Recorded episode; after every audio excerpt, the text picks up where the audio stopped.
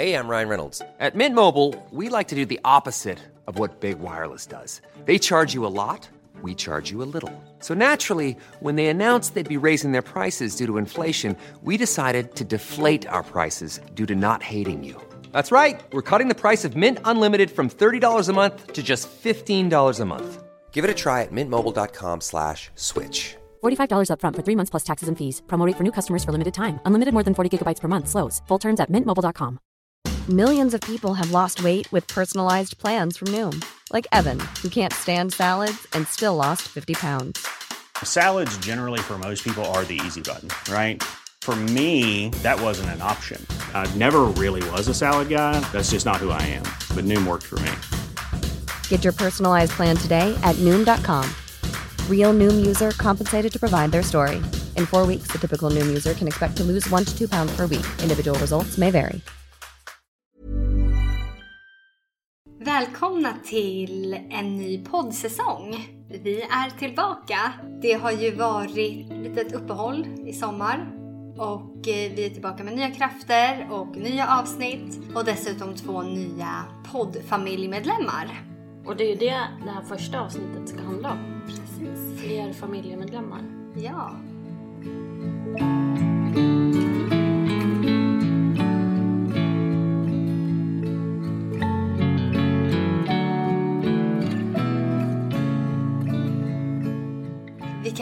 På att nämna att podden idag fyller ett år. Så vi har poddat i ett helt år nu. Helt fantastiskt. Men nu ska vi säga hej till dagens poddgäst. Lea är här igen. Ja, hej! Hej! Välkommen! Ja, kul att få vara här. Ja, Tack så mycket. Jättekul. Du har ju varit med tidigare Mm. stämmer. med eh, Alexis. Avsnitt nummer fem. Så har ni inte lyssnat på det tycker vi absolut att ni ska lyssna på det avsnittet. Och du var ju en av våra första alltså gäster från första början. Och nu Det blir det liksom första gästen igen här efter vårt uppehåll. Det känns jätteroligt att du vill vara med. Mm, verkligen. Det var ju ungefär exakt ett år sedan vi satt ju där. Oktober 2019. Det är mycket som har hänt under det året. Mm. Jättemycket. Och då var jag höggravid. Och nu ska du snart fira ett års kalas. Ja, precis. Den 12 november fyller vår lilla Eileen ett år. Härligt. Helt, helt otroligt. Tiden har gått fort. Väldigt fort. Verkligen. Det går lite för fort ibland tycker jag. Graviditeten gick ju långsamt. Tycker jag personligen. Men Iris har blivit sex månader. Ester är fyra månader. Och Eileen blir ju snart 11 månader då. Så nu sitter vi här, tre änglamammor som också har tre regnbågsbarn. För det är ju vad Precis. syskon till döda barn brukar kallas. Och vi kanske egentligen ska dra varför det kallas det också. Vad jag vet så tror jag att det är för att efter regn kommer solsken, lite så. Mm, precis. Och utan regn och utan sol så kan man inte se den vackra regnbågen. Men det kan också vara lite som att det kanske är någon slags bro över till varann eller till familjen. Och... Från himlen till jorden. Mm. Ja, precis. Det är en koppling som alltid kommer finnas där. Jättefint. Mellan de här två olika världar om man kan säga så. Iris betyder ju faktiskt regnbåge. Och det var faktiskt av en slump. Vi valde inte Iris Nej. för att det betydde det. Men eh, vi sa ju det när vi valde namn till Sally. Att vi valde mellan Sally och Iris. Och då visste vi inte vad något av namnen betydde ens en gång. Men så sa vi att ja, men det, hon är Sally liksom. Så får vi någon gång en flicka igen så kommer hon heta Iris. Och sen så gick det flera månader och sen så kollade jag, men vad betyder Iris egentligen då? För att jag tycker att det är lite spännande att veta vad namnen betyder. Då betyder det regnbåge. Och då kändes det verkligen menat att, att Sally fick just namnet Sally och att Iris då, eller bebisen skulle få heta Iris om det vart en flicka. För ni visste ju inte att det var en liten Iris förrän hon föddes. Nej, det gjorde vi inte. Gud vad spännande. Mm, det var jättespännande. Att du kunde hålla dig. Ja, Hade ni bestämt namn innan? Ja, gud ja. Jag tycker sånt är jätteroligt. Och framförallt just som du säger att ta reda på vad betyder namnet egentligen. Så ja, vi hade ju bestämt, men framförallt så hade vi ett namn om det skulle bli en flicka. Och det har inte så mycket med att göra med vad namnet i sig betyder den här gången, men det var ett namn som jag hade valt för länge sedan. Som jag tänkte, ja, när jag var ung så tänkte jag att den dagen jag får ett barn, om det blir en liten flicka, så ska hon heta Eileen. Jag tyckte bara det namnet var jättefint. Och det var ungefär när jag var 15 år tror jag. Det var väldigt länge sedan. Men vi hade två namn nu, om det var en flicka eller om det blev en pojke. Det passar ju bra ihop med Alexis också. Mm, ja men det gjorde det, för det kändes så fint också att det, att det blev just Eileen. Och så fick hon som andra namn, så heter hon Lexi. Jättefint. Och det tycker jag det finns en fin koppling för Eileen, om man tar liksom A från Eileen, så bara Lexi, så blir det nästan Alexi. Fint. Mm. Så att han finns ju alltid med. Ja. Och vi har ju pensionärsnamn i vår familj. Ture och Ester. Och det Det är fina namn Ja, också. de passar också ihop. Och det är egentligen släktnamn båda två. Så det är jättekul att båda blev det. Vi hade inte bestämt namn innan, för någon utav dem egentligen. Utan de fick sina namn när de var ett par veckor gamla. Men Ester stod med på listan när Ture låg i magen. Om han hade varit en tjej. Roligt med namn. Det är jättekul. Vi, har, vi har ju aldrig bestämt heller namn innan. Jo, Iris var faktiskt bestämt. Fast vi nu visste ju inte om det var en flicka eller en pojke. Men Nikolas hade vi inte bestämt namn till. Nikolas var inte ens med på listan. Så det var lite... Det kom sen under baby showern. Någon som la, eller min moster lade det som förslag. Typ gissa vad bebisen ska heta. De skrivit det. Och vi bara, ah, det här måste vi typ ta. Och Sally var typ det första na- namnet jag sa när jag var gravid med Nikolas. Att om jag får en dotter, om, om bebisen är en dotter, ehm, då vill jag att hon ska heta Sally. Men så vart det ju Nikolas. Så då fick det bli det nästa gång då. Sen hade vi jättesvårt att bestämma oss. Men på sjukhuset där så sa de att det är nog bäst att ni bestämmer ett namn liksom. Och då gjorde vi det. Då blev det Sally. Fint. Det betyder liten prinsessa. Tycker jag passar väldigt bra. Jag tänker så här att vi kanske ska prata lite grann om våra förlossningar. Bara för att man var ju så orolig för det när man var gravid. Och jag vet att du hade ju lite komplikationer där. Mm, det stämmer. Hur kändes det och orkar du berätta lite om det? Ja, men absolut, det gör jag. Ja, det, det, det var ju väldigt jobbigt för det var ju ingenting som jag hade ens funderat på att det kunde bli. För nu tänkte jag, nu jäklar ska jag, vi ha vår lilla revansch här och få ett friskt barn och liksom få lämna BB med ett levande barn. Och få uppleva allt som vi inte fick uppleva med Alexis. Liksom, ja, men jag tänkte, ja, vi får väl vara kvar två dygn på sjukhuset bara för att kolla allting är bra och verkligen försäkra oss om att allting är bra innan vi lämnar. För det var det jag var egentligen mest orolig över, att det skulle vara någonting med Eileen som kanske missas om vi bara var kvar ett dygn. Så jag hade mig känt mig trygg att vara där, så två dagar. Och det hade vi fått, liksom att det, det skulle vara okej. Vi släpper inte liksom dagen efter. Och ni hade fått göra mycket test när hon låg i Och magen gud ja, också. hela graviditeten i princip, många tester.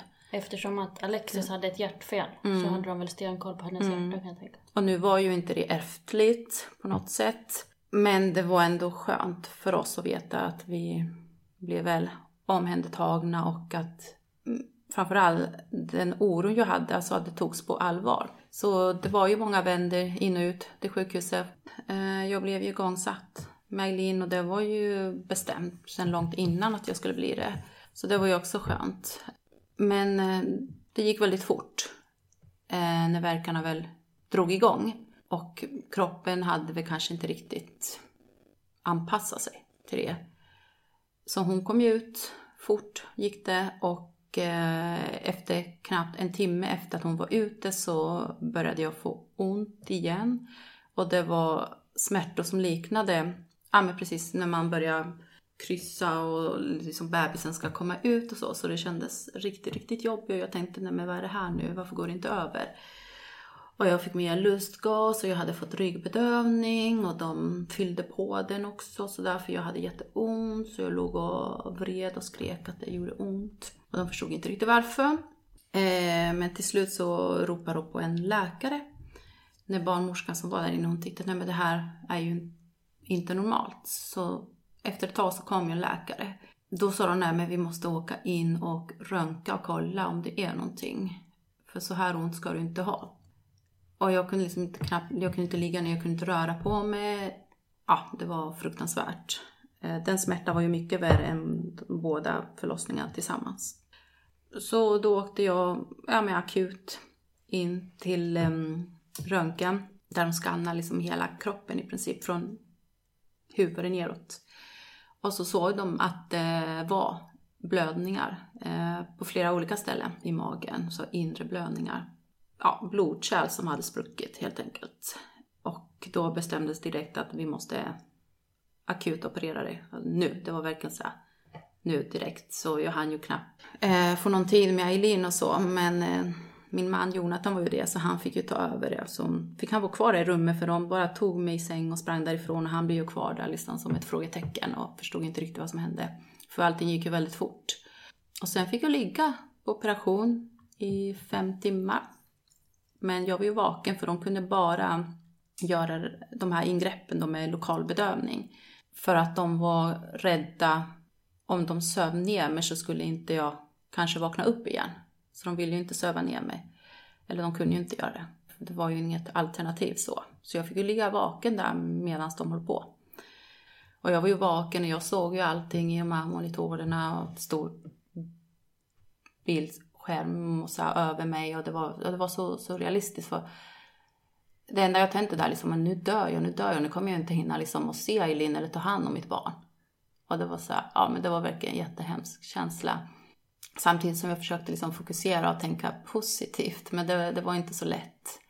Eh, men jag hade ju en narkosläkare bredvid mig som stod bredvid mig hela tiden och liksom i princip mer eller mindre höll mig i handen och försökte trösta och sådär. Och så till mig, men ligg stilla, ligg stilla, för jag fick inte röra på mig. inte nu för jag kunde det, för det gjorde så himla ont, så jag orkade inte, jag kunde inte ens ligga på rygg, det gjorde så ont. Så de, han fick ju stå där och spruta in mig morfin efter morfin hela tiden. Så kom jag ihåg när det hade gått två timmar, jag bara, men är ni klara snart? Så säger han, ja, vi är alldeles strax klara. Så tittar han så på läkaren. Men sen fick jag ligga kvar tre timmar till. Och sen så hör man allting, vad de pratade sinsemellan de här läkarna och bara nej, ja, men det här ser inte bra ut. Ja, men vi får inte stopp på all blödningen och så vi vet inte riktigt vad vi ska göra. Bla bla. Så det, det var så här, man bara nej, nej, nu är det kört tänkte jag hela tiden. Ja, nu dör jag liksom. Mm, eh, för de, ja, jag kunde ju höra allting de sa. Mm. Eh, så det, det var riktigt jobbigt. Det blev ju ännu ett trauma nu då. Nu mm, var det... det blev ju det. Nu var det liksom um, ja, mig det var på väg liksom mm. att, att, gå illa. Och sen efter några timmar så fick jag ja, komma upp till uppvaket och ligga där i, jag vet inte om det var två eller tre timmar. Innan uh, Jonathan och Eileen fick komma upp till mig. Så det hade gått många timmar där. Hade. Som hade inte fått träffa Eileen eller Jonathan. Och hade Jonathan fått sova någonting? Nej, han gjorde nog inte det. Eller ja, det vet jag. Han har ju sagt det efteråt. Det sa nej, det kunde han ju inte göra. Han försökte bara liksom hålla Eileen levande. Typ. Det var ju liksom det han bara, jaha, vad gör man nu? Hur gör jag? Vad ska jag göra? Ska jag klä på henne? Ska jag mata henne? Men han fick ju hjälp av någon, jag vet inte om det var undersköterska eller barnmorska, som var där inne med rum, i rummet med honom och berätta liksom äh, det här ska vi göra nu och det här och hon behöver mjölkersättning och bla bla bla. Så då fick vi börja med det. Eh, med tanke på att jag var ju inte kapabel att mata henne eller amma henne. Så blev det inte så heller tyvärr. Eh, och sen fortsatte vi med ersättning för att det, det var helt enkelt enklast och jag, alltså min kropp orkade inte heller och jag fick ju, vi blev ju kvar på sjukhuset i 12 dagar.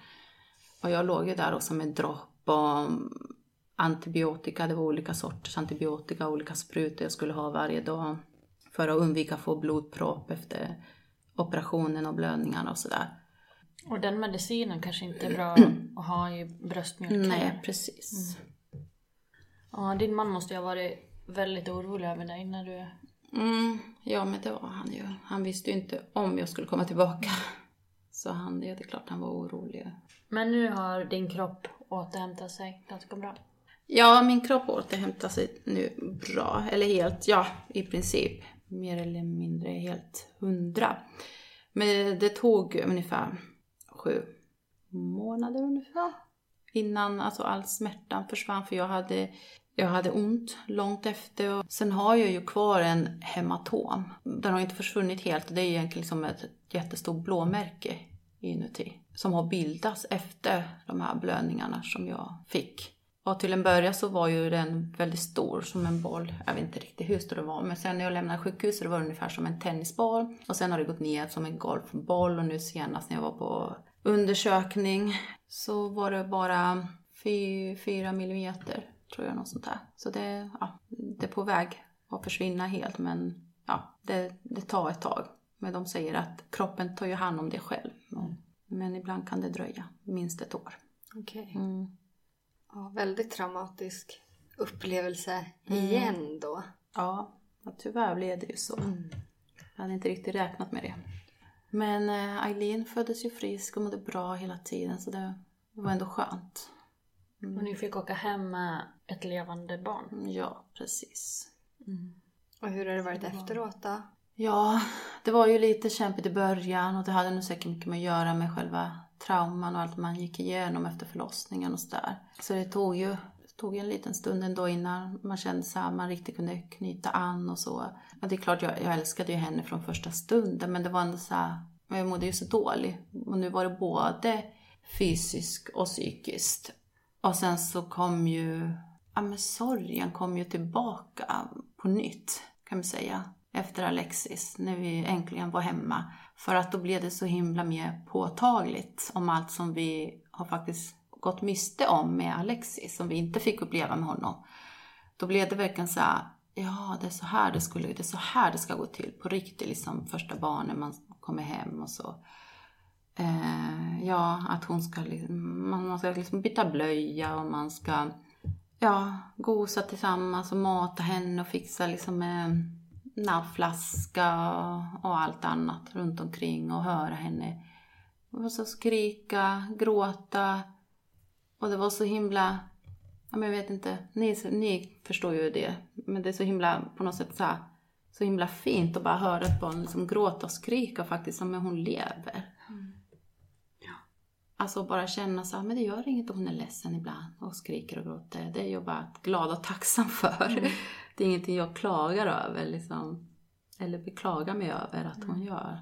Absolut inte, snarare tvärtom. Men det blev mycket så här, alltså aha-upplevelse i allt så här, ja det är så här det ska, så här ska det gå till. Men samtidigt då blev det, ja. Och då ska ju, Alexis skulle ha varit här och han skulle liksom gjort det här och fått träffa sin lilla syster och ja. Det känns ändå hela tiden hemma, det känns ju så hela tiden hemma. Det är en person som saknas och det är ju det. Men med tiden har det blivit lite lättare att hantera, hantera just de känslorna. För men självklart så tänker jag på honom varje dag. Jag tänker på honom så fort jag gör någonting med Eileen och sådär. Gå ut i parken eller gunga eller något sånt där. Och det är klart man blir ju ledsen ibland. För att han fick inte möjligheten att uppleva det och vi fick inte möjligheten att uppleva det med honom heller. Men det kändes skönt, underbart att få komma hem. Hur var din förlossning Alexandra? Min förlossning var bra. Den du var, var ju väldigt nojig. Jättenojig. Jag skulle inte säga att jag har blivit mindre nojig. Men eh, den var ju väldigt välplanerad. En riktigt planerad förlossning. Iris föddes i vecka 36 plus 4 med ett planerat kejsarsnitt. Eh, vi var först ut den dagen så att vi kom ju dit jättetidigt på morgonen och eh, de prioriterade oss först liksom. Vi visste ju inte vad vi skulle få för någon liten rackare. Men det var en liten lilla syster som kom. Nej men allting gick jättebra faktiskt.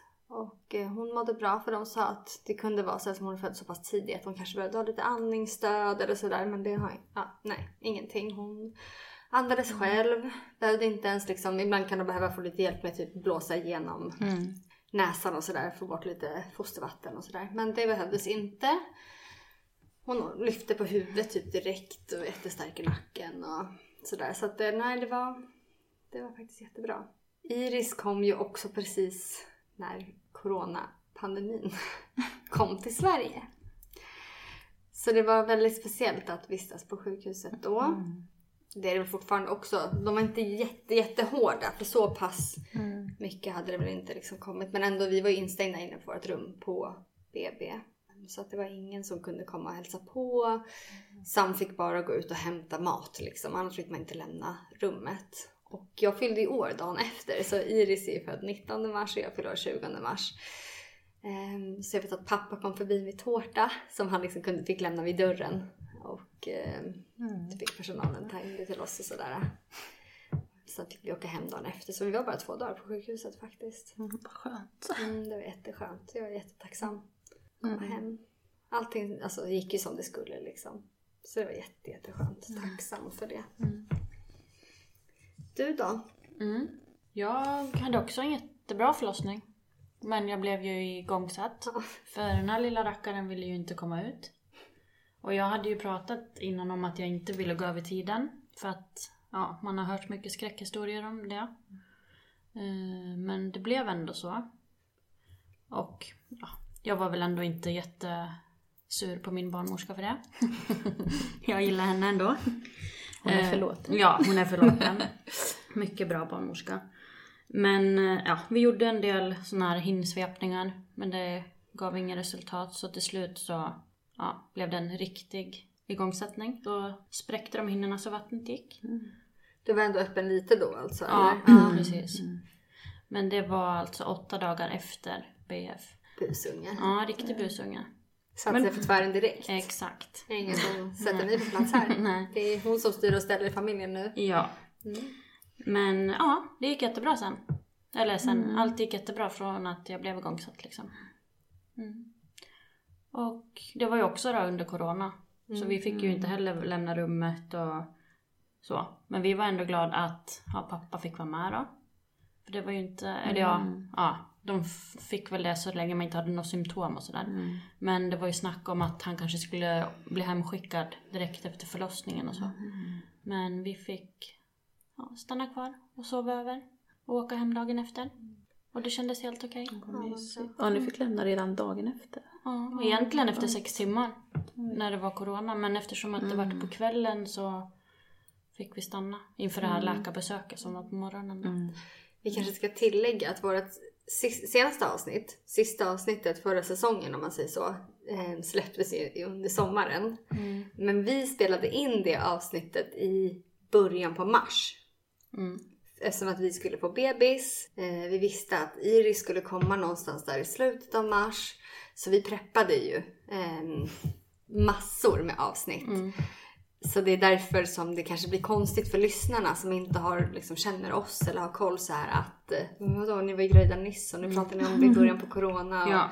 Så att vi har inte spelat in någonting. När, när vi spelade in avsnittet då var det ingen corona i Sverige. Mm. Alltså så. Jo det var något fall men det var inte liksom inte stort. Bekräftat. In, nej. nej. Så att det, mm, det kom sen kommer jag ihåg. Mm. Precis mm. efter. Mm. Om jag inte missminner mig helt. Och det har ju varit lite speciellt att ha en nyfödd bebis i coronatider. Mm. Har ni varit oroliga över det? Ja, oh, gud jag är jätteorolig. Mm. Från dag ett. Mm. Ja, men vi hade ju nästan precis börjat så att gå till öppen förskola, börja på babysim och sen så stängde man ju ner allt det. Eller jag valde ju också själv att nej, nu vågar inte jag. Nu håller vi oss hemma. Så vi får spendera liksom tre månader enbart alltså hemma och sen ut och rasta hundarna och sen hem. Mm. Det var typ i princip det vi gjorde. Har du varit väldigt coronanojig, Alexandra? Det har jag nog inte varit. Mm. du är bara nojig för allt annat. Allt annat. Mm. vi nojar tillräckligt ändå. Nej men eh, det var lite speciellt där för att Nikolas går ju på förskola. Så han gick då när det var sportlov i Stockholm. Den veckan gick han. Och sen så var det när alla skulle börja igen efter sportlovet så bestämde jag mig för att nej, nu får han vara hemma tills bebisen föds. För att jag vill inte ha hem magsjuka. Mm. Det, för det var min stora skräck. Det är fortfarande typ, mm. typ, ja. Nej, jag vill inte ha hem någon magsjuka. Och då beslutade vi att han skulle få vara hemma från det till att bebisen var född och två veckor till. Mm. För att vi inte ville ha några sjukdomar och sådär. Men precis efter så började man ju prata om det här med corona och de, ble, vet, de ville att alla som var föräldralediga skulle ha barnen hemma. I vår kommun var det så i alla fall. Mm. Så det liksom blev lite så automatiskt. Men jag har liksom inte varit rädd för att Alltså inte för bebisens skull var jag liksom inte rädd för just corona. För det sa de ju var inte farligt för barn liksom. Jag var inte rädd för min egen skull heller. Mer att man liksom... Det kändes tråkigt att man inte kunde umgås framförallt med de äldre och ja, men jag vet inte, träffa släktingar och man vill ju visa upp liksom, så känner jag i alla fall. Min lilla bebis som är typ sötast i världen vill man ju visa upp för alla liksom och då blir det att nej, det går inte. Men sen så fortsatte ju förskolorna typ som vanligt ändå. Eh, I alla fall i våran kommun. Så Nikolas började ju, han var hemma, han var hemma faktiskt ett tag till. Han var faktiskt hemma sju veckor efter att Iris föddes. För att de bad liksom om det. Att kan ni så ha gärna, då fick han vara hemma. Men sen så blev det ohållbart för att han behövde stimuleras och hon var nyfödd och jag var ju snittad liksom. Så det var ganska jobbigt att ta hand om dem själv. Jag fick hjälp i början. Ja, min mamma var där. Sam jobbar ju så mycket så att han kunde inte hjälpa till riktigt. Framförallt inte eftersom han hade varit hemma där i hela mars. När han inte hade något jobb. Så var han tvungen att jobba när de väl fick börja jobba igen liksom. Så då fick Nikolas börja gå på förskolan. Men han gick bara några veckor. Sen var det sommarlov. Var han hemma tio veckor för att är man föräldraledig så ska barnen vara hemma. Så det var inte många veckor för honom på förskolan. Så för att återknyta till corona. Nej, nej. Det har inte begränsat oss jättemycket. Vi har ändå hittat på saker och, och så liksom. Men mest utomhus. För det har ändå varit en ganska bra sommar. Så man har kunnat göra saker utomhus. Och vi har kompisar som fick barn ungefär samtidigt som dessutom har barn på samma förskola och så. Så vi har hängt ganska mycket med dem. Ja, har du känt dig orolig för corona? Inte jätte. Ja, inte för Ester eller mig. I sådana fall mer sån här vanlig noja. Att man skulle ha haft det och råka smitta någon äldre. Men lite mer som du sa Alexandra, att, man, har- att det har varit tråkigt att man inte kunde ha umgåtts som vanligt. Att det inte kanske blir någon mammagrupp, alltså sådana saker. Men det är klart att man inte vill ha corona eller... Ja, vår mammagrupp ställdes ju in. Vi hann ju gå typ tre gånger tror jag. Tre eller fyra gånger. Och det var ju lite tråkigt men ja. Samtidigt förståeligt liksom. Ja. Vi har inte haft någon mammagrupp. För Eftersom att eh, Iris inte är mitt första barn i vår kommun så är det bara liksom ja, första barnet som man har en mammagrupp. Sen tycker de väl att man har lärt känna folk eller jag vet inte riktigt hur det funkar men nej. Så vi har inte haft någon mammagrupp. Men jag tyckte det var tråkigt att öppna förskolan var stängd. Jätte, jättetråkigt. Och eh, nu när de har öppnat igen så är det jättebegränsat. Det är sex barn. Med en förälder då, som får komma in. Där vi går, där är det att man anmäler sig till en grupp. Och så går man den tiden varje vecka. Mhm. I hur många veckor då? Hela året ut. Aha. Så då har man ju en tid i veckan då.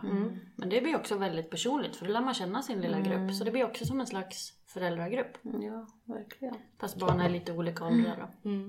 Det är bra att man har respekt för corona. Ja, verkligen. Alltså vi säger Och det. alla det regler. ja, men det där var faktiskt väldigt bra. Det ska vi fram, eller framföra. Att man har en grupp man går på. Och så kan man hoppa av den när man vill liksom. Ja. När vi hade vårt förra avsnitt, när vi satt och var gravida, då pratade vi en del om det här med, eller för jag tänkte i alla fall mycket på så här, hur ska man kunna älska fler? Och det har jag ju verkligen förstått att man kan nu. Men jag har också kunnat känt lite som du var inne på Lea. Det här med att om man verkligen vågar släppa in någon, för man har förstått att man kan också förlora någon. Hur liksom gör man för att leva med det? Ja, just det här att livet är så skört. Och, ja. Går ni runt och har någon slags spärr? Nå, både ja och nej tror jag. Nikol- men Nikolas var ju allting så himla självklart. Det var liksom... Jag var rädd för plötslig spädbarnsdöd och typ that's it. Såklart sjukdomar också men det var inte någon... Jag visste inte om typ krabbes eller såna andra som jag har varit jätterädd för nu. Det vet ju du. Jag har ju frågat dig massa grejer för att jag är livrädd för typ allt. Men... Ja, alltså jag har tänkt så här på, på typ, jag tänkte på det här om dagen med Iris. Eh, när jag tittar tillbaka på bilder, vet, när hon var så himla liten och bara kände så här, varför har inte jag njutit mer av henne? Det känns som att jag typ har kunnat börja njuta mer av henne nu. Än vad jag gjorde liksom där i början. För att jag var så himla rädd för allt. Det var typ såhär, okej hon sov jämt. Så det var något fel. Och hon eh, hade inåtfällda tummar. Så det var något fel. Eh, hon var vaken hela tiden. Så det var något fel. Så det var hela tiden liksom att jag gick och tänkte på okej det är något fel på henne, det är något fel på henne, det är något fel på henne. Så att man inte riktigt vågade släppa in hela vägen in i hjärtat liksom. Eh, Och sen så när hon började ge respons och du vet, titta på mig och skratta och log. Då blev det nästan ännu jobbigare för att då, du vet den här lilla, lilla människan som liksom bara älskar dig. Alltså, och så vågar man inte riktigt ändå öppna upp sig själv helt. Det blir så här dubbelt för jag vill det men det går inte och jag ser att hon bara typ tycker att jag är bäst i hela världen. Och, Ja, jag tycker att det är svårt. Men nu känns det som att jag har liksom kunnat börja släppa lite mer på det. Nu när hon har blivit äldre. För att du är mindre orolig? Eller är du fortfarande lika orolig? Men min största har ju varit någon sån här typ krabbhästaktigt liksom. Och nu har ju hon typ passerat det. Och hon gör jättemycket grejer och hon... Men det är klart, jag kollar ju upp henne. Alltså nu har jag börjat gå till läkaren om jag är orolig liksom. Hon har ju varit och kollat. Hon blev ju helt blå om sina händer och fötter faktiskt. Så att jag var inne och kollade. Men allting såg jättebra ut. De lyssnade på hjärtat. Och det var inga konstigheter liksom. Så jag försöker. Du sa ju något jättebra liksom. Att man kanske ska försöka tänka att eh, skulle det hända någonting så har man ändå typ gjort det absolut bästa man kan. Jag försöker nog tänka lite så. Mm, att man liksom älskar av hela hjärtat. Och man, För att man inte vill liksom ångra det sen. Ja, men så länge vi är alltså, de bästa mammorna vi kan vara. Då har ju vi faktiskt gjort allt vi kan. Mm. Om de ändå blir påkörda eller får cancer. Att ta vara på den tiden och njuta. Ja. Men är du väldigt orolig? Men gud, jag... Alltså jag var jätteorolig. Framförallt i början när vi kom hem och sådär. Jag har ju varit sån att jag har ju gått och petat på henne konstant så fort hon somnade för att se att hon levde. Jag behövde så här pilla, peta på henne. Rörde hon sig, så här, kände, såg, alltså la handen så här, om jag andas hon. La örat och skulle höra hon verkligen andas. Alltså jag var jättenojig, så peta på henne varannan timme för att se att hon levde. Men har du kunnat sova tyckte på nätterna? Jo, jag har ändå gjort det. Men de gångerna jag väl ändå vakar så, eller vaknar så har jag ändå liksom tittat till henne. Det har jag gjort så. här. Eller lyssnat så här, andas hon, hör att hon andas. Så här. Ja, men så jag vet inte, jag har bara varit så här jätteorolig att hon ska dö i, ja men plötslig spädbarnsdöd. Alltså sluta andas. Vända på sig så hon ligger på magen liksom och sluta andas. Ja, jag vill att det ska hända någonting helt enkelt. Eh, Jag har inte riktigt liksom kunnat slappna av, känner jag. Och det kan jag Ja. fortfarande inte göra. Nej. Och Nico, alltså med Nikolas.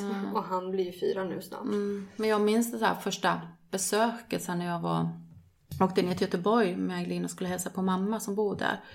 Och då var ju Eileen, ja men jag tror hon var två månader gammal eller sånt där.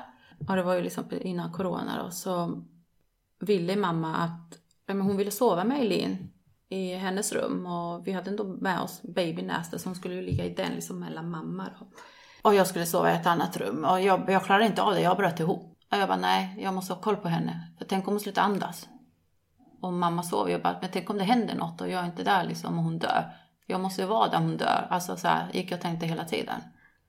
Och det kan jag också känna nu. Alltså, också så här att jag i början det var mycket så här, titta på hon bara, ja, nu är hon här. Men hon kan ju dö när som helst. Och det var så här, riktigt jobbigt för jag kollade på henne. Jag, jag grät för att jag var så lycklig att hon var där. Och så grät jag för att jag tänkte, men hon kan ju dö när som helst. Och den, den känslan liksom har varit jättejobbigt men också alltså, jättesvårt att komma ifrån för man vet ju liksom, ja det kan hända. Och det har hänt. Och de känslorna, alltså, det, det sitter liksom på utsidan och det, det är så lätt liksom att det, ah, det går inte, riktigt att, att styra det. Så många gånger bara tar jag upp henne, håller om henne och så bara kommer tårarna liksom för att jag kramar om henne så tänkte jag, tänk om det är sista gången jag får krama om det liksom så. Ja.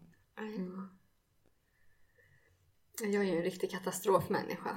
Alltså för mig, det är liksom, det är så stort. Och om jag liksom snöar in mig på någonting, då kan inte jag släppa det. Alltså då är jag nog i det modet typ i tre, fyra dagar. Sen kan det gå över och sen så kommer det tillbaka. Det går verkligen i vågor liksom. Men då, jag vet inte, och oro, att, att oroa sig tar jättemycket energi.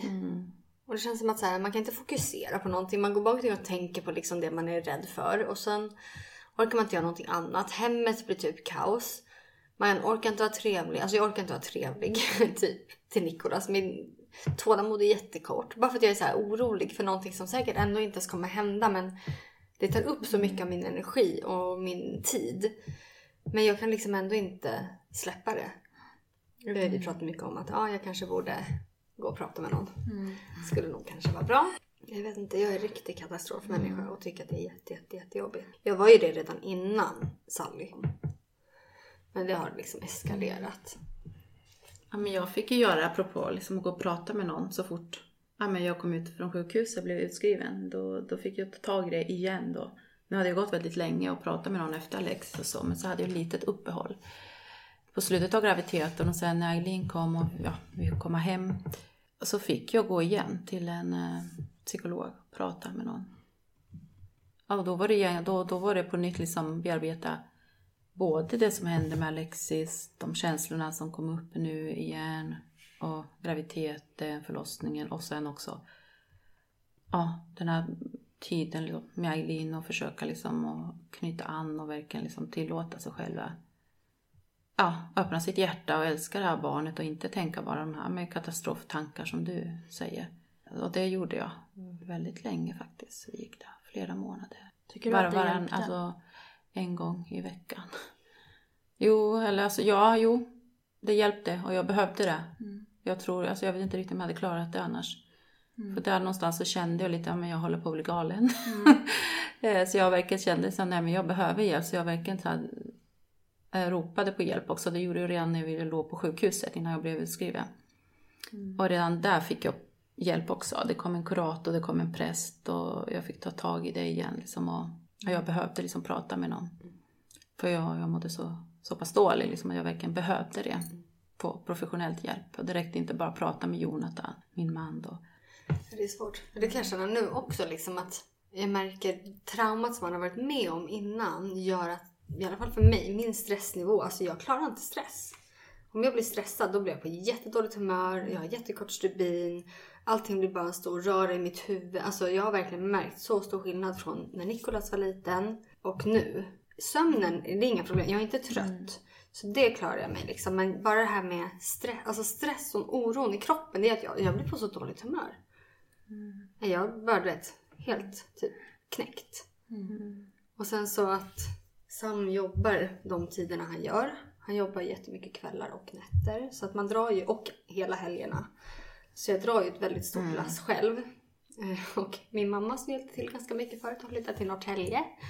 Och bor där. Så nu är det ju liksom, det är jag och barnen. Och eh, de är ju fler än vad jag är. Och det är ganska jobbigt faktiskt med en bråkig fyraåring och en krävande sex månaders. Ja, ganska körd i botten skulle jag nog säga att jag känner mig.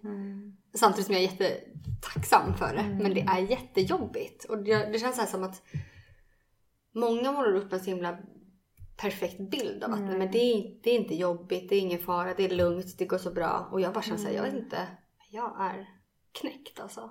Verkligen. Men du kanske ska gå och prata med någon där Alexander. Jag kanske ska göra det. Igen. Och jag är en sån här typisk som säger åt andra att gå och prata med. Ja, jag vet. Gör du Och så jag själv. Ja, jag gjorde ju det. Men jag blev ju också skickad nu då efter förlossningen. Men jag tror att jag lever väl inte som jag lär, eller vad säger man? Men jag har ju också rätt att säga till andra. Ja. Jag tänker så här, tyvärr, att det spelar ingen roll hur mycket jag pratar med folk. Så kommer någon aldrig att ge tillbaka mig Ture. Så jag orkar inte. Det är ju sant. Men det är ju inte, alltså det skulle säkert vara bra. Men jag tycker inte att det har hjälpt mig så jättemycket att prata med någon. Ja men så kan jag också tänka ibland faktiskt. Och det gör mig jävligt sur, alltså bitter. ja, man blir ju det. Men, Men, man får ju så här- försöka att inte vara bitter. Nej. Mm. Men kan ni någon gång känna så lite, ja men som du berättar nu och sen känna att samtidigt så här, ja men lite skam över att man, om man nu skulle tycka så här, ja men vad jobbigt, är nästan så här, ja men jag ska inte liksom klaga, jag har ju ett levande barn. Absolut. Det Alltså lite jag. så här dålig samvete eller så här. För jag känner så här, inte, inte för att jag skulle vilja klaga eller har behövt det. För, ja, jag har typ aldrig sovit så bra som jag har gjort nu sen Eileen föddes. För hon sover hela nätten och sådär. Så vi har inte haft det jobbigt på det sättet med henne. Hon är ju jättesnäll verkligen. Men jag känner så ja. Men eh, om det nu skulle hända något så här så nej, jag kommer inte klaga. För jag har inte rätt att klaga. Alltså jag ska vara tacksam och glad att jag har ett levande barn. Nästan så lite som att jag skulle skämmas liksom av att göra det. Ja, ja, ja, jag förstår det.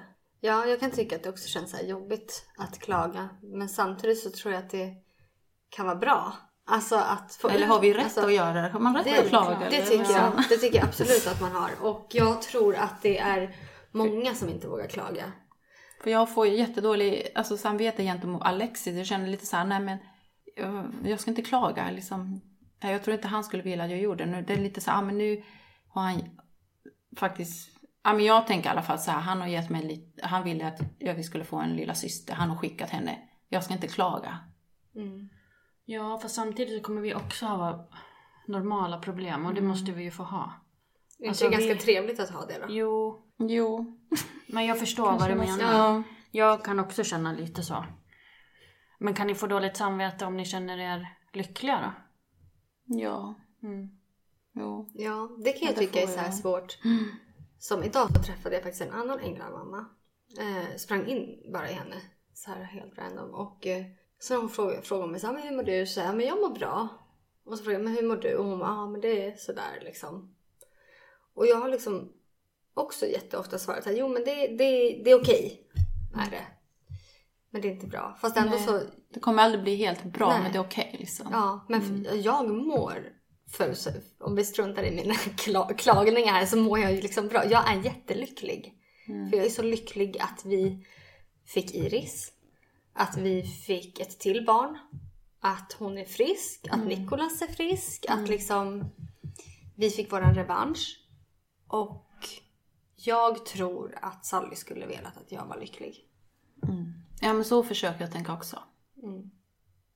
Och tänka För jag så här, tr- ja, men jag tror Alexis vill att vi ska vara lyckliga. Ja, jag tror inte att de vill att vi ska gå och Må dåligt. Nej. Nej.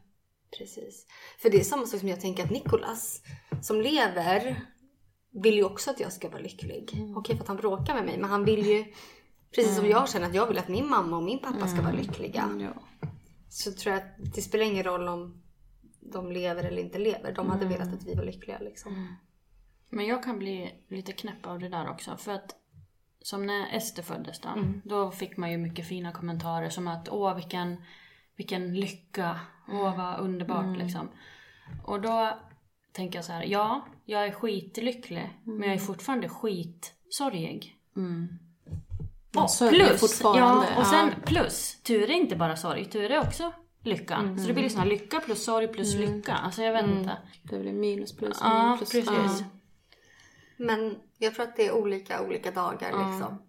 Vissa Ja, dagar så är det, ja, men vissa dagar så är det skit. Och då får det vara det. Men vissa dagar så är det bra. Och då ska det vara bra. Ja, jag tänker så. De dagarna det verkligen liksom känns skit så bru- brukar jag tänka eller att jag ska tillåta mig själv att känna ja men det är helt okej att det får vara så här. Att man får må så här dåligt också. Även om man har ett levande barn. Men det är okej att må, känna sig liksom att ja, idag är det skit och idag är det bara jobbigt och idag tänker jag bara på Alexis. Och det är helt okej. Ja.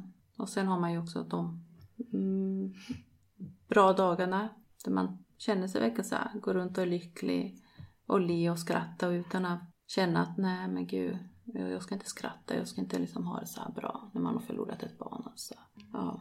Jag känner nog mer i sådana fall, vågar jag ha det så här bra? Om jag vågar då, då vara så där lycklig, då är det som att då kanske det händer något. Mm.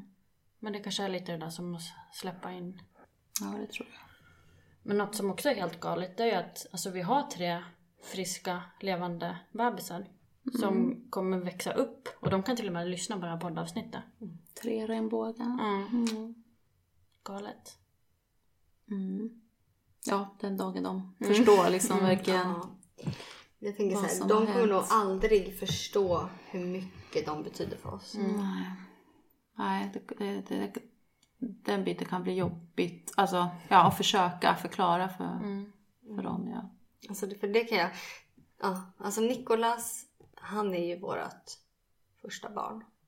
Och det är jättespeciellt med ens första barn. För det är ens första barn, det är den som gör att man blir mamma och allt sånt där. Och sen så kom, för min del då, Sally. Som dog. Och sen så kommer Iris. Som är verkligen typ ljuset igen. Hon kommer ju med ljuset och lyckan. Alltså när jag tittar in i hennes ögon så är det typ så att det finns inga världsproblem. När hon skrattar och hon... Alltså den lilla stunden, när vi får vara i våran bubbla, då är det ju bara vi. Ja, det passar väl också in på regnbågen. att De har ju verkligen gjort... Livet färgglatt. Ja, verkligen. Ja, de kommer i alla möjliga färger. Det känns ju fint.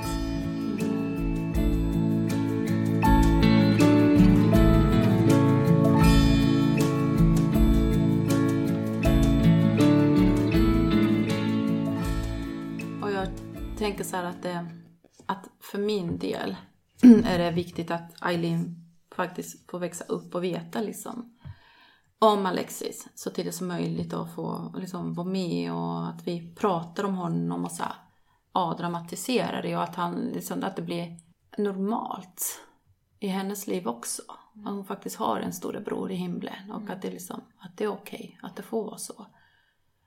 Eh, för jag vill inte att hon ska tycka att det, att det ska vara jobbigt att gå till kyrkogården och hälsa på oss. Utan jag vill att det ska ändå bli någonting fint för henne. Att hon ska växa upp med det liksom. Ja. Hur har ni tänkt göra det? Ja, genom att inkludera honom, så prata med honom, det gör vi redan nu. Det har jag gjort sedan dag ett egentligen.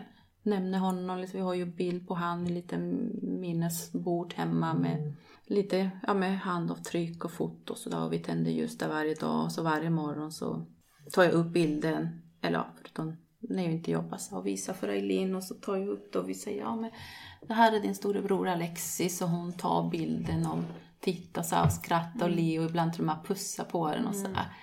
Och det tycker jag känns jättefint. När man bara liksom berätta om honom. Sen vet jag hon förstår ju inte mycket av det där nu men hon kommer ju göra det så småningom. Så jag vill att det ska bli naturligt. Vi brukar också göra så. Visa bilder och prata. Men det är ju samma här. Alltså, hon är ju fyra månader. Mm. Men de är ju verkligen en del av våra familjer. Men jag tycker det är så fint varje gång jag visar bilder så säger de det här är Alexis, din storebror och så skrattar hon och ler så. Så varje gång. Det är lite som att hon tittar så här på bilden som att hon, hon har ju sett den bilden förut. Så. Hon känner igen brorsan. Mm. Ja, verkligen. Och nu har hon börjat vinka. När jag visar så här bilden så vinkar hon. Ja. Så det känns ju fint. Ja. Jag tycker det känns fint att Iris är väldigt lik Sally. De är lika Ja, det faktiskt. Det tycker jag. Mm, jättelika. Och det är många Förutom hon andra. är lite ljusare. Ja, hon är lite ljusare. Eh, Men det är många som har sagt att hon är lik. Och det tycker jag är kul. Att folk som jag inte ens typ har förväntat mig eller trott att de ska tänka på Sally kommer fram och säger att oj, men hon är jättelik Sally. Och det tycker jag är jättekul. För att Iris och Nicolas är inte lika. Personlighetsmässigt kanske, men inte utseendemässigt. Inte än. De kanske kan bli. Ja, kanske kan bli. De har samma liksom, uttryck. Man ser det. Är faktiskt ganska roligt att se liksom, när så här, mimiken och det. Om man tittar tillbaka på videos på Nicolas så eh, ser man liksom Sally gör likadant. Nu sa du Sally. Ja, men jag menar Iris. Ja, det det är helt rörigt. Alltså, det, ja. Tycker du att Eileen och Alexis är lik varandra? Ja, gud ja. Ja, jo men det är de. Och båda två är ju lika Jonathan måste jag säga ju. Är mer lik Jonathan än vad de liknar mig. Ja, herregud. Framförallt Alexis. En kopia av sin pappa. Verkligen. Ser man ju på bilderna också. Jag har ju bilder på när Jonathan var, ja, ungefär så här liten också. Nej men jag tycker att Eileen är jättelik Jonathan och Alexis. Verkligen. Ja men det är lite så här, vi brukar skoja, eller framförallt Jonathan, han brukar säga ja, vi vet ju vem pappan är men ibland undrar jag vem mamma är till de här barnen. jag bara, mm, jo, jo. Ja. ja, men det tycker jag är gulligt. Ja. Vi tycker nog att Ester också är ganska lik Ture. Det är, någon, det är något drag liksom. Men hon är också ljusare än vad han var. Och kortare hår. Ja. Mm. Ja, däremot Eileen är ju lite mörkare än Alexis. Alltså, minns Ja, jo. För på Alexis såg man ju knappt så, äh, ögonbrynen. Fast när Eileen födde, hon hade mycket mörkare. Liksom, såg man ju direkt. Och håret också. Men annars. Så hårfärgen har hon fått av mig då. Men utseendemässigt är det mer pappa. Tror ni på något sånt här tecken då? Från änglarna? Alltså brukar Från de vara och spöka något då, eller busa något med syskonen eller så? Nej, jag tycker inte att jag har sett något sånt. Jag tycker det var mer så i början. Alltså första året efter Alexis hade gått bort.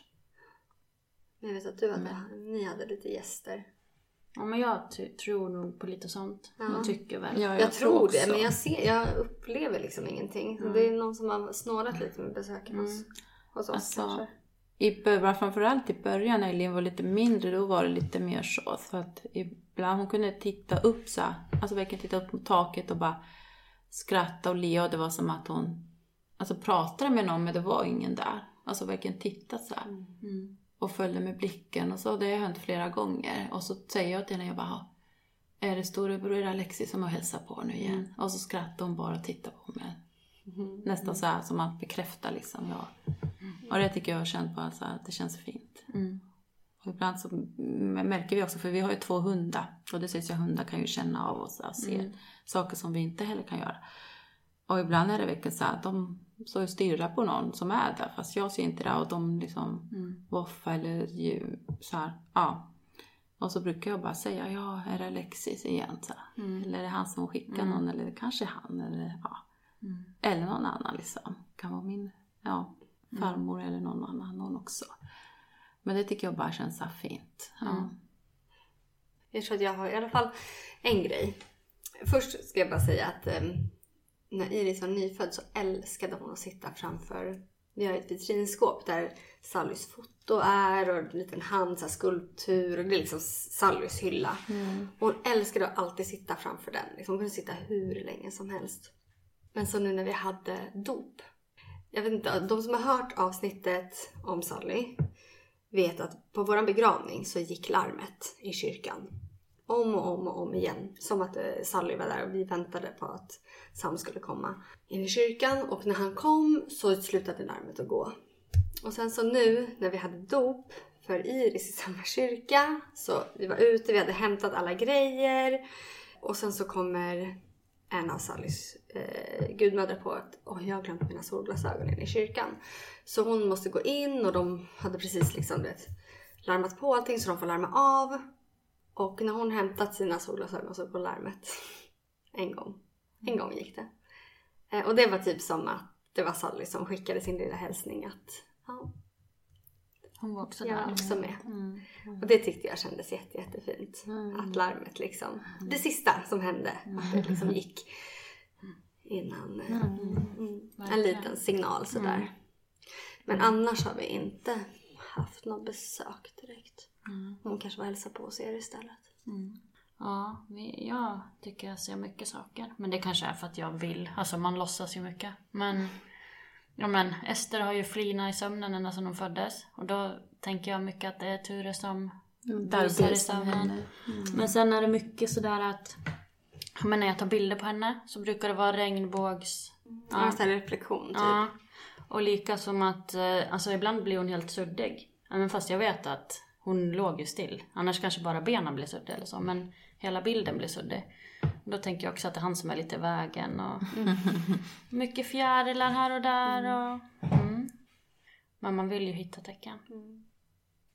Ja men det tror jag nog. Jag tror nog de är och hälsar på lite då och då faktiskt. Skruttisar. Men på tal om att eh, få minnet att leva vidare av alltså syskonen. För jag pratade med någon, vi hade en liten träff på Lilla Erstagården. Eh, så här syskonträff och så. Då, nu pratade vi i och för sig om Nikolas, alltså om store, store syskonen. Men det var någon som berättade att de hade foton vid köksbordet på ängen. Vilket jag tyckte var väldigt, en väldigt bra idé. Liksom att, eh, nu var det foto på liksom stor, storebror och lilla syster då. Att de hade gjort saker ihop. För vi pratade om hur ska man få dem att minnas och sådär. Men jag tyckte att det var en ganska bra idé. Att ha foton vid köksbordet. För där sitter man ju ändå tillsammans och äter och man sitter och pratar. Och Att man har liksom bilder där också. För att liksom... Att de ser. Ja. Det tyckte jag var en väldigt bra idé. Så det tipset tog jag till mig. Jättebra ju. Mm. Men mm, vad har ni fått för reaktioner från er omgivning nu? Alltså när ni fick era regnbågar och så. Jag tänker mer så här, har folk... Vad har ni fått för kommentarer och så här, eller förväntningar för omgivningar? För liksom, är det mycket så här att, ja, men nu är allting bra igen, eller hur? Ja, alltså just den kommentaren har vi faktiskt inte fått. Inte jag i alla fall. Men mer så här att man har sagt typ till Nikolas eller nämnt att Nikolas, ah, tycker Nikolas att det är kul att vara storebror nu och ah, vad roligt att du har fått en lilla syster nu och ehm, att man liksom glömmer bort lite att han har ju varit storebror i, i två år. Och eh, det, sådana kommentarer är liksom. Men brukar du säga någonting då? Nej oftast inte. Nej. För att jag orkar liksom inte. Jag har nog inte heller fått några sådana kommentarer. Mer att, ja men lite sådär att åh vilken lycka. Eh, ja. Och det är ju verkligen en helt obeskrivlig lycka. Men man bär ju fortfarande på sorgen också. Och lite som du också sa Lea, att det blir ju väldigt påtagligt. Det var liksom som att den kom tillbaka extra hårt. Det är liksom som ju mer man älskar ju mer sörjer man också på något sätt. Och liksom inte bara allt man har förlorat utan också allt som vi faktiskt inte kommer få uppleva. Inte fick chansen att göra. Nej, precis. Och det kommer ju vara så hela livet. Oh, ja. Ja, jag tycker, jag tycker att vissa dagar är mycket jobbigare än andra. Just när det kommer till det liksom att... Jag, jag vill att typ våran soffa ska vara full med barn. Alltså som... Det skulle ju varit tre som skulle ha suttit där. Men det är också svårt att tänka för hade det här med Sally inte hänt så hade vi troligtvis inte skaffat en till Så just nära nu. på. Nej. Och det, det tycker jag också känns jättejobbigt. Ehm, att tänka, alltså att hamna i de tankarna. Att, för jag vill inte att det här med Sally skulle ha hänt. Men hade det inte hänt hade vi inte haft Iris. Det, det, det tycker jag blir ett jättestort Jo, här, dilemma liksom. Ehm, för hur man, för jag, vill, jag önskar ju inte bort Iris. Nej. Men jag vill ju fortfarande inte att Sally ska vara död. Nej, man önskar ju inte bort någon. Liksom, man vill ju ha alla sina barn. Mm. Och det är det som jag Såklart. tycker är svårt. Även fast det nu liksom rent fysiskt skulle ha varit möjligt att vi hade haft Iris också. Vi har ju henne liksom. Och Sally dog inte för att hon var född för tidigt eller något sånt där. Utan det var verkligen för att det gick fel ifrån. Så att rent praktiskt så skulle det ha gått att de båda. Men det hade troligtvis inte hänt. Om man säger så. Så det tycker jag, det är ett stort dilemma för mig. Jo, men det känner jag också. Och jag brukar också tänka så. Och sen tänker jag samtidigt, som du säger, ja, men vi hade faktiskt kunnat haft Alexis. Han hade fått, kunnat fått leva och vi ändå hade liksom skaffat Eileen, för vi skaffade Eileen åtta månader efter liksom Alexis föddes. Så det hade ju också varit fullt möjligt. Eller alltså, jag blev ju gravid med henne åtta månader efter att Alexis gick bort. Och det hade också ändå liksom, om han hade levt och han vi hade skaffat Eileen när han var åtta månader gammal. Det hade ju också funkat. Så, ja. Och vi vill ju ändå ha fler barn också. Så jag tänker så här, jo men de båda hade fått liksom funnits här tillsammans.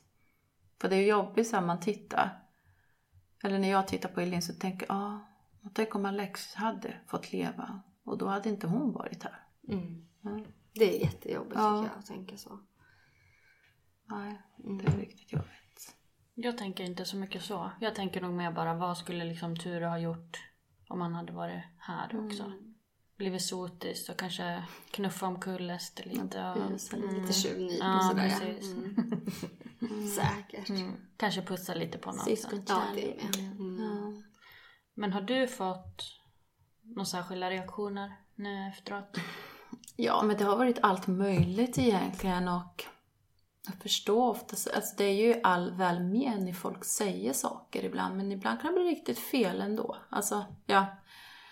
Eller de förstår inte att det kan ju såra fast de ändå menar bara väl. Som att, ja ah, men vad kul, nu är du äntligen mamma. Och så känner man bara, ja, men vadå äntligen? Jag har ju varit mamma de senaste två åren. Eller var det inte- så senaste 27 månader. Brukar du säga någonting då? Ja, det är lite olika. Ofta så gör jag det. Det beror på situation, vem det är och om jag ja, gott om tid och sådär. Och hur väl jag känner personen. Så. Men ofta så brukar jag säga, ja men jag har ju varit mamma länge. Ja. Men ibland är det folk som bara, ja men... De kanske säger, ja men mitt första barn var ju också en liten flicka, vad roligt. Så, så tänker jag, ja, ja men mitt första barn är inte en liten flicka, det är en liten pojke. Sen fick vi en liten flicka. Så det är mitt andra barn. Ja. Men såklart när folk frågar hur många barn man har så säger ju alltid två barn. Men det har ju varit alltså, mer att äh, omgivning kanske förväntar sig att ja, men vad skönt för nu är allting bra igen. Nu mår du väl bra, liksom nu är allting helt bra. Nu ska, nu ska man må 100 procent. Men så är det ju inte. Ja, men det har väl kommit lite sådana kommentarer på jobbet bland annat. Ja. Ja, det finns ju ingenting som skulle kunna göra en lyckligare än alltså våra bebisar som nu har kommit. Mm. För det andra, det skulle ju vara att våra döda barn också skulle vara här och det är ju ingen som kan fixa det. Nej, precis. Man hade ju Mm, väl det haft alla. Mm. Så helt, helt, helt 100 procent bra kommer det ju aldrig bli. Jag ser liksom det... Det kommer aldrig bli så där bra men eh, livet har blivit annorlunda. Mm. Men det är tillräckligt bra.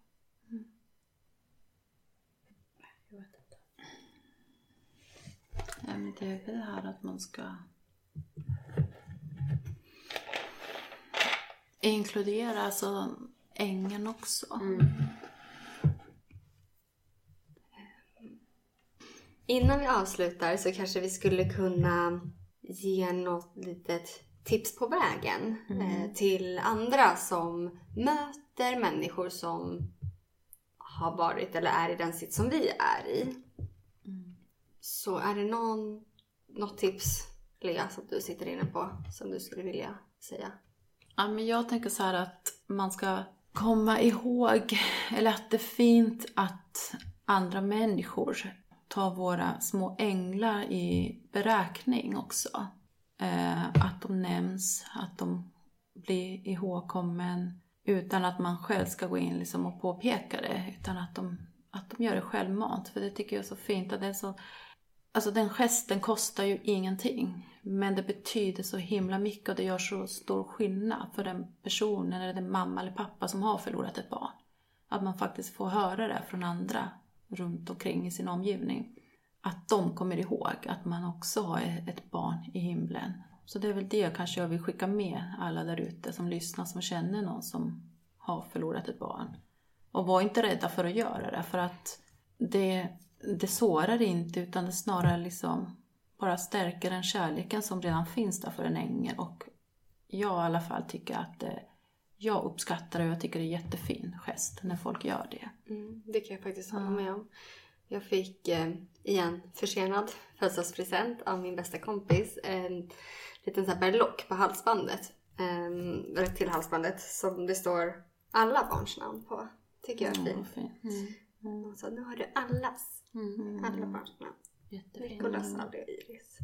Och det gjorde mig jätte, jätteglad faktiskt. Ehm, och en annan sak som faktiskt gör mig glad fast som folk typ ber om ursäkt för, det är jättekonstigt. Det är när de, som jag gjorde, råkar kalla Iris för Sally.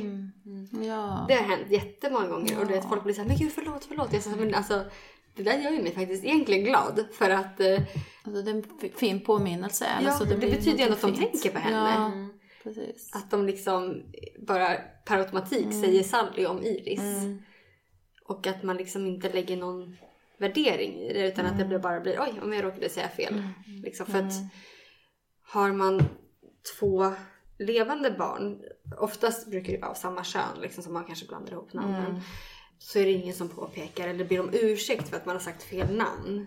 Nej. Säg att det är liksom ja, men Elsa och Anna och så råkar man säga Anna till Elsa. Det är ingen som säger förlåt till mamman för det. Det är inte lika känsligt. Nej, alltså. precis. Nej. Och jag blir absolut inte ledsen. Jag blir oftast väldigt, jag tycker det är lite roligt att de råkar säga.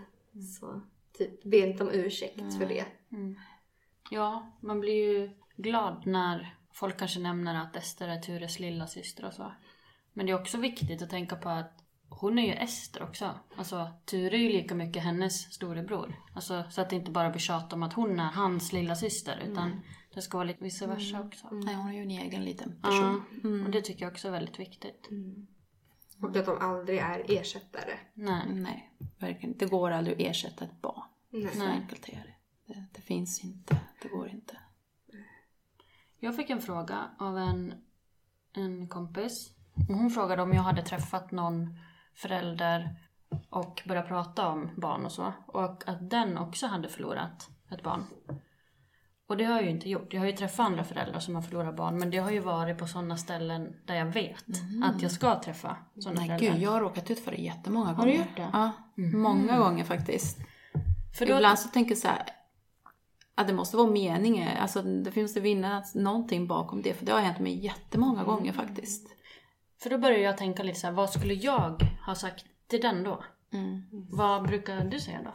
Ja, det är lite olika. För jag, så här, jag brukar ändå vara rätt duktig, tycker jag själv, på att läsa av folk. Alltså, ibland känner man så här, ja men den här personen vill prata om det, eller att det är okej, känner att det är okej att prata om det. Och ibland har man fått vilket så här, nej den här personen vill inte säga så mycket mer än att den har också förlorat ett barn. Så där får man så här, känna av lite. Så ibland har det varit så här, jaha, och så, och så blir det så här från båda håll då, liksom så här, jaha. Och då lite som att, ja men då kan man liksom, alltså det är ju en isbrytare man ska säga. Då börjar man prata om det och man verkar märker att den här personen vill det. Och det tycker jag är jättefint för då lär man känna den här personen mer på djupet och på riktigt. Alltså så. Och verkligen veta att det här är någon som verkligen förstår. När de verkligen säger att jag förstår hur du känner, jag förstår hur du mår, jag förstår vad du har gått igenom. Och då vet jag att den här personen gör faktiskt det. Och det är inte bara en önskan från den sidan, den förstod. Det, utan det verkligen på riktigt. Men jag var med om det, kanske var någon månad sedan, två månader sedan. Något sånt. Eh, på öppna förskolan. Det var, liksom, det var första gången jag träffade någon så här, som jag, alltså hon var inte en random person så men ändå vi visste inte, hon visste ju inte om oss och jag visste inte om eh, hennes. Liksom. Men ett bra tips då, det kan väl egentligen bara vara så här, ja vill du prata om det? Ja, man frågar så här, är det okej? Alltså, vill du berätta? Och, så här, och den frågan har jag också fått. Då tänker jag bara, ja självklart. Ja. Alltså, jag har absolut ingenting emot det. Alltså, jag tycker bara att det är fint liksom, att prata om Alexis. Och att folk faktiskt vill lyssna. Eller att man kanske bara kan fråga, ja vill du visa en bild? För det kan ju också vara, då får man själv välja liksom vilken bild. Om det är en jobbig bild eller om det är en helt rolig bild eller... Ja. Tack tjejer för fina diskussioner. Tack själv. För Tack att själv. vi kom fram till en del bra tips också faktiskt. Nu kommer ju vi att fortsätta spela in fler avsnitt där vi har gäster. Vi vill jättegärna ha fler tips på gäster. Om man vet någon eller om man själv vill vara med så är det bara att höra av sig till oss. Eh, antingen på mail till utandej.podd hotmail.com eller på våra sociala medier. Eh, vi vill jättegärna också få lite kommentarer och likes för det får oss mer och mer peppade att fortsätta med den här podden. Och vi är jätteglada att det är så många som faktiskt lyssnar. Ja, tack för det. Mm, tack så jättemycket. Så hörs vi snart igen. Ja, och grattis på ettårsdagen Ja! podden! Hipp hipp hurra, hurra, hurra! Hej så länge! Hej då!